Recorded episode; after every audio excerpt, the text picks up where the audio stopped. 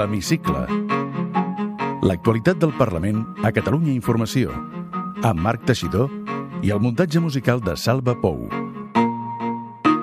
Cedeixi vostè el seu lloc a la ministra Batet, que tots sortiríem guanyant. Avui, senyor Vostè Iceta, ha fet un exercici de cinisme eh, realment espectacular. Jo penso que ja ha sortit ja, ha sortit ja de l'hemicicle i està segurament en aquests moments regalimant per l'escala noble. És que el cop que parli de vosaltres podíem parlar del feixista del Carrizoso o de la feixista de la Rimas. Usted no quiere puede representar a los catalanes. ¿Cómo lo va a hacer si ni siquiera nos considera catalanes a los que no somos independentistas? Con sus artículos xenófobos y supremacistas. Són només alguns dels enfrontaments i atacs que s'han sentit en els darrers mesos als plens del Parlament. I és que aquesta situació ha anat massa enllà. Per aquest motiu, Roger Torrent ha decidit intervenir-hi i ha convocat una reunió insòlita amb els grups per abordar la qüestió. La trobada en surt un compromís ferm de no traspassar línies vermelles, és a dir, no es toleraran insults ni atacs personals.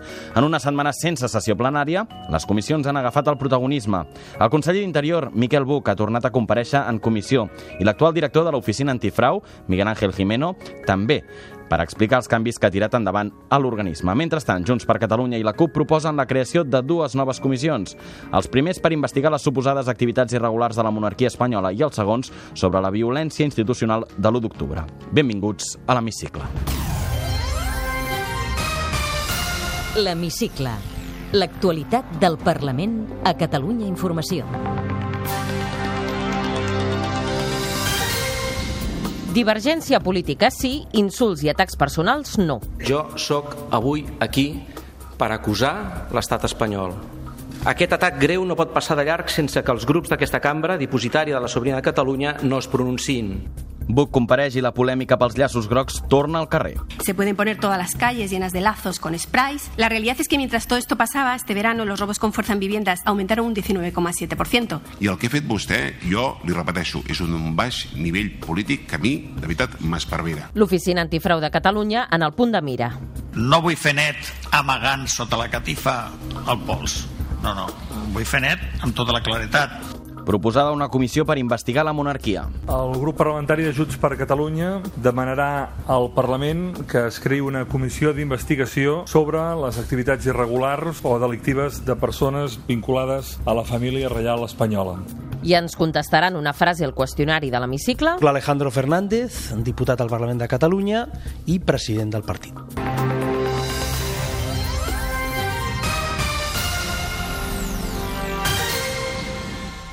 Decòrum, correcció, elevació en les maneres, en el capteniment d'algú que correspon a la seva condició social, a les seves responsabilitats. Els grups parlamentaris es comprometen a mantenir les formes i evitar els enfrontaments personals. Les picabaralles de les darreres sessions plenàries, amb atacs personals i insults, obliguen el president de la cambra a actuar i posar-hi punt final. Una reunió que semblava més típica d'una escola, però que aquesta setmana s'ha hagut de fer al Parlament una trobada per posar fi a l'escalada de tensió entre els diputats i diputades.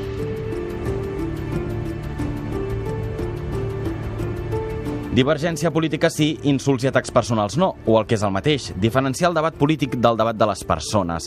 Una premissa que sembla òbvia, però que han reafirmat els grups parlamentaris amb el president de la cambra, Roger Torrent, en una reunió insòlita on han participat tots els grups parlamentaris excepte la CUP, que s'ha excusat al·legant motius d'agenda, però és cert que els copaires consideren que el debat sobre el comportament dels diputats s'ha de fer al ple i no a porta tancada. Ho repassem amb l'Àngels López. Els grups que han participat a la reunió creuen que la discrepància política no pot ser mai una excusa per atacar personalment els companys i companyes de la resta de grups. Les desqualificacions són una línia vermella, diuen que no es pot tolerar. Els grups no han fet declaracions en sortir de la trobada, però Eva Granados, del PSC, i Susana Segovia, de Catalunya en Comú Podem, feien aquesta reflexió hores abans. Els atacs a les persones que es traslladen aquí en format d'intervenció política, després eh, el que fan és aprofundir aquesta fractura que tenim al nostre país. Que donem sentit a allò que creiem que és el Parlament i que estem allà representant els interessos de milers de ciutadans i ciutadanes de Catalunya. Amb l'acord no escrit dels grups amb el president de la cambra no es podran tornar a repetir frases com les que han sentit en els darrers plens. Vostè és un feixista o vostè és un supremacista. Ciutadans ha participat a la reunió i, per tant, subscriu l'acord, però, segons Carlos Carrizosa, que no hi era personalment, l'avís no és per a ells i adverteix. Nosotros tenemos que decir que nosotros no somos quienes han crispado la política catalana. Por lo tanto, no podemos dejar de denunciar la existencia de esta ideología radical, extremista y supremacista en Cataluña. Esto no podremos dejar de denunciarlo en el Parlamento y no nos van a callar, esto también se lo puedo asegurar. Roger Torrent recorda als grups que té la potestat d'aturar el ple o fins i tot d'expulsar algú de l'hemicicle si ho considera oportú. Els grups que li han desitjat sort i encerts aleguen que la bona conducta és bàsica perquè, si no, queda desvirtuada qualsevol crida que es faci per aconseguir consensos tant polítics com socials.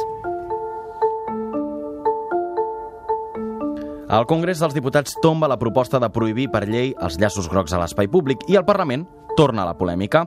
El govern de la Generalitat i Ciutadans se les tenen per aquesta qüestió a la Comissió d'Interior del Parlament. El conseller d'Interior, Miquel Buch, assegura que la policia només actua en el cas d'utilitzar estris perillosos o quan la seva conducta pugui ser punible o pugui representar un perill per a les persones, els béns o l'ordre públic, però no en funció del que es pensa, perquè si no, no viuríem, diu, en una democràcia, viuríem en una dictadura. Paraules del conseller d'Interior que arriben després que la diputada taronja, Munia Fernández Jordán, relacioni l'augment dels robatoris a Catalunya amb la polèmica dels llaços. Eh, se pueden poner todos los árboles de Cataluña vestidos de amarillo con plástico que acabará en el mar.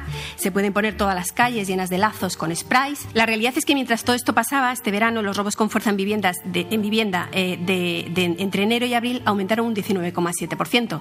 Entonces nos preguntamos cómo es posible que en la campaña de verano eh, eh, hubiera identificando a personas que estaban quitando lazos amarillos y no haciendo labores de vigilancia por las ciudades para que no haya más robos. I el conseller d'Interior, Miquel Buch, li retreu aquesta barreja. Això és desmereixer a un munt de funcionaris, d'homes i dones que s'aixequen cada dia, que es vesteixen de policia i que estan disposats a donar la vida per tots nosaltres.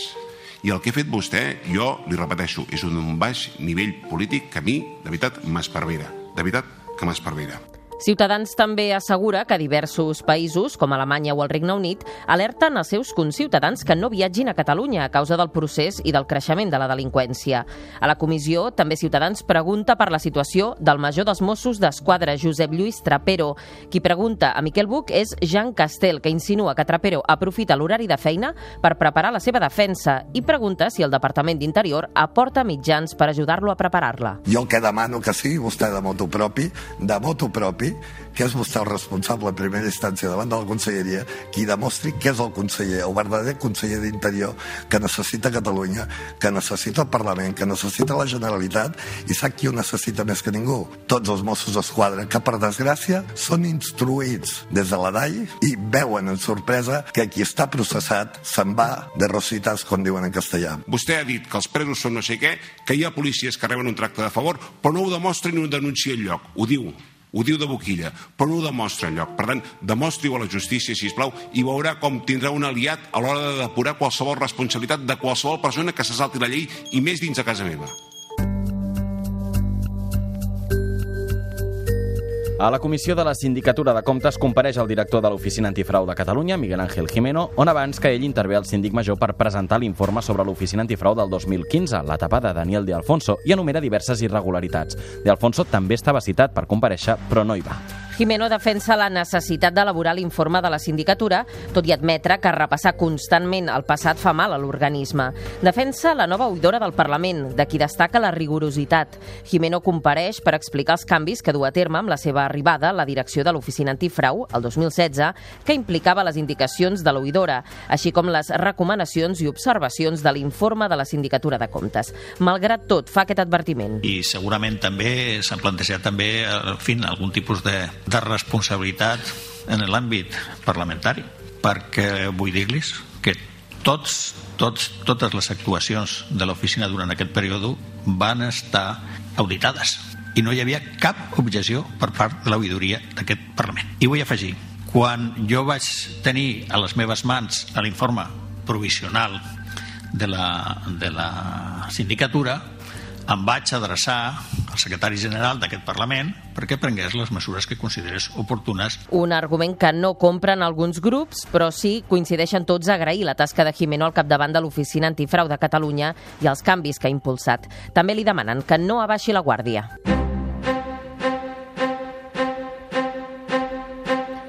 Junts per Catalunya vol que el Parlament investigui les activitats de la família reial. Per això demana que es creï de manera immediata una comissió que estudi les estructures de corrupció que puguin estar vinculades a la monarquia. L'objectiu és anar més enllà la reprovació del rei Felip VI aprovada al Parlament i que el govern de Sánchez va impugnar davant el Constitucional. El diputat de Junts per Catalunya i vicepresident primer de la mesa, Josep Costa, explica els eixos que hauria de seguir la comissió. Totes les maniobres que varen fer-se per eh, pressionar empreses a canviar el seu domicili social en els dies posteriors al referèndum d'autodeterminació. En segon lloc, eh, estructures de corrupció que ja s'han demostrat que existeixen. I en tercer lloc, hi ha eh, tota la qüestió dels presumptes comptes irregulars de l'anterior cap d'estat el PSC adverteix que el seu grup hi votarà en contra. Sentim Salvador Illa, secretari d'Organització dels Socialistes. Nosaltres votarem en contra d'aquesta comissió i, a més a més, no hi participarem si s'acabés aprovant i faríem bé en aturar la degradació de les institucions catalanes, en aquest cas del Parlament de Catalunya, aprovant qüestions com aquesta que ens posen en posició a fer el ridícul i votarem en contra i si prosperés, cosa que desitgem que no succeeixi, no hi participarem. El president del Parlament hauria, faria bé en no permetre aquesta deriva cap a la radicalització de les institucions catalanes. Per poder-la tirar endavant cal una majoria que Junts per Catalunya confia que tindran amb els vots d'Esquerra, que s'hi mostra partidària, però també dels comuns i la CUP. La CUP també proposa la creació d'una comissió d'investigació, en aquest cas entorn del referèndum de l'1 d'octubre i de la violència institucional que se'n va derivar. Pels copaires aquell dia es van viure l'exercici de violència institucional més greu dels últims 40 anys, el qual es refereix com a tortura massiva. Els copaires esperen el suport de Junts per Catalunya, Esquerra i els Comuns. En aquest punt també llencen un missatge a socialistes a qui emplacen a reflexionar i adoptar una posició clara sobre la violència de l'1 d'octubre, ja denunciada anteriorment per ells. Qui fa l'anunci és Vidal Vidal Aragonès, que afegeix l'objectiu. Es fa necessari, per tant, investigar aquests fets, que per la CUP, Crida Constituent, són un exercici de tortura massiva, amb una obligació i responsabilitat com a país. Cal aclarir la veritat, cal aclarir les responsabilitats polítiques i, sobretot, cal buscar reparació i garanties de no repetició. No pot ser que a hores d'ara, més de 13 mesos després, encara no tinguem cap iniciativa eh, política institucional per donar resposta al que va fer o va ser aquell exercici de càstig col·lectiu. Finalment, Aragonès també diu que és una responsabilitat i obligació de país investigar els fets i creu que el Parlament, com a màxima institució del país, l'ha de tenir com una tasca fonamental i lamenta que encara no ho hagi fet 13 mesos després. I aquesta setmana temps també per abordar qüestions sobre el medi ambient i s'aprova instar el govern que a partir de l'1 de gener del 2021 es prohibeixi a Catalunya la venda i distribució gratuïta de plats, coberts, gots, tasses i safates de plàstic d'un sol ús. És una iniciativa de Catalunya en Comú Podem. Els comuns aposten perquè en la futura llei de residus i recursos també s'impedeixi a partir de la mateixa data la venda de càpsules de cafè d'un sol ús fabricades amb materials no reciclables, així com els productes que continguin o produeixin microplàstics o nanoplàstics i les versions no recarregables d'encenedors, maquinetes d'afaitar i cartutxos d'impressora. La Comissió de Medi Ambient aposta perquè el govern estableixi mesures per afavorir el reciclatge en l'ús de material compostable. La comissió dona llum verda, però a permetre només la comercialització de canyetes per a begudes, bastonets per a les orelles i de caramels fabricats amb materials compostables. També aposta per reduir de manera substancial la comercialització d'aliments envasats en safates i embalatges de plàstic.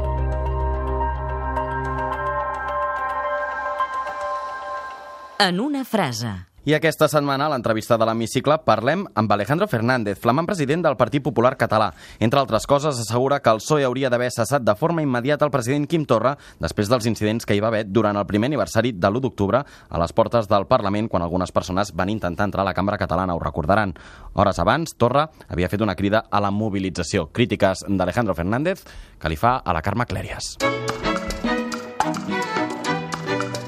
Té la paraula soc l'Alejandro Fernández, diputat al Parlament de Catalunya i president del partit. Què hauria de ser Catalunya segons vostè? Doncs el que ja és una terra extraordinària, una comunitat autònoma d'Espanya. Creu que la judicialització del conflicte polític català s'ha portat massa lluny? Jo crec que el terme no és exacte, no s'ha judicialitzat. Què n'opina de les penes que demana la Fiscalia General de l'Estat i l'advocacia de l'Estat pels independentistes que estan empresonats? Que jo tinc la meva opinió personal, però que considero que cadascú de manera independent s'ha demostrat, perquè són criteris diferents, ha aportat el seu criteri, valgui la redundància, i per tant jo respecto una i altra. Són més de 200 anys de presó. És que eh, els requeriments eh, judicials ja avisaven que el que estaven fent era d'unes conseqüències gravíssimes. Considera que són presos polítics? No. Vostè ha visitat algun dels presos o s'hi ha cartejat? No. No pensa ni anar-hi ni escriure a ningú? Ja he dit que no els visitaré. Si algú s'adreça a mi, li explicaré eh, amb tota l'amabilitat, però també amb tota la franquesa i sinceritat, les raons per les quals no aniria a visitar-los, si és que em convidessin, que no ha passat. Quin és el seu repte principal un cop assolit el liderat del partit a Catalunya? Recuperar una posició que no fa gaire era decisiva a la política catalana i fins i tot de ser capaços de competir eh, pràcticament en plànol d'igualtat amb qualsevol formació política. Recordem que l'any 2011, a novembre, vam tenir 800.000 vots a Catalunya. Estan buscant candidat a, a l'Ajuntament de Barcelona?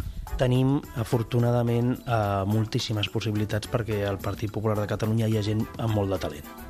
Per tant, queda clar ja que Alberto Fernández mm, no repetirà com a candidat. Alberto Fernández és una de les persones amb molt de talent a la que em referia a la meva anterior resposta. Catalunya té dret a l'autodeterminació? No. La millora de l'autogovern eh, és, la, és el que torna a plantejar el president del govern espanyol, en aquest cas el socialista Pedro Sánchez. Creu que és una mm, bona oferta?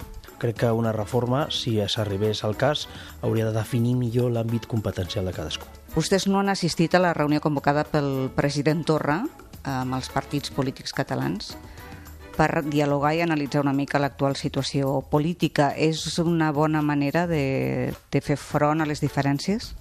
La veritat és que eh, amb l'ordre del dia que va plantejar i es parla d'una cosa que nosaltres considerem que no existeix a Catalunya, que són presos polítics i dret a autodeterminació, que entenem que no s'aplica en el cas de Catalunya, no podem parlar de coses que evidentment no tenen ni cap tipus de eh, possibilitat legal i, en fi, nosaltres eh, quan fem activitat parlamentària és per parlar de coses possibles. El PDeCAT i Esquerra han dit que de cap manera donaran suport als pressupostos d'Espanya si no hi ha una solució prèvia amb els empresonats i amb els polítics que estan fora. Vostè creu que és una irresponsabilitat o no?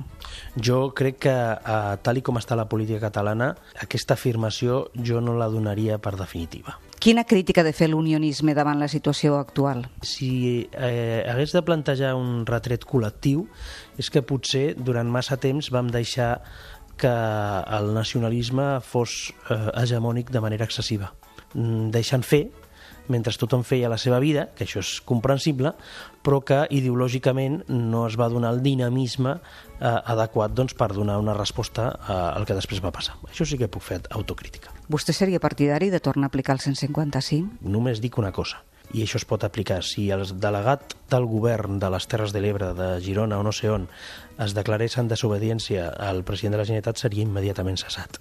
Doncs passa el mateix, ja sé que no agrada sentir-ho, però el president de la Generalitat de Catalunya és el representant de l'Administració General de l'Estat a Catalunya i, per tant, no es pot declarar en desobediència ni en insurrecció davant del govern d'Espanya.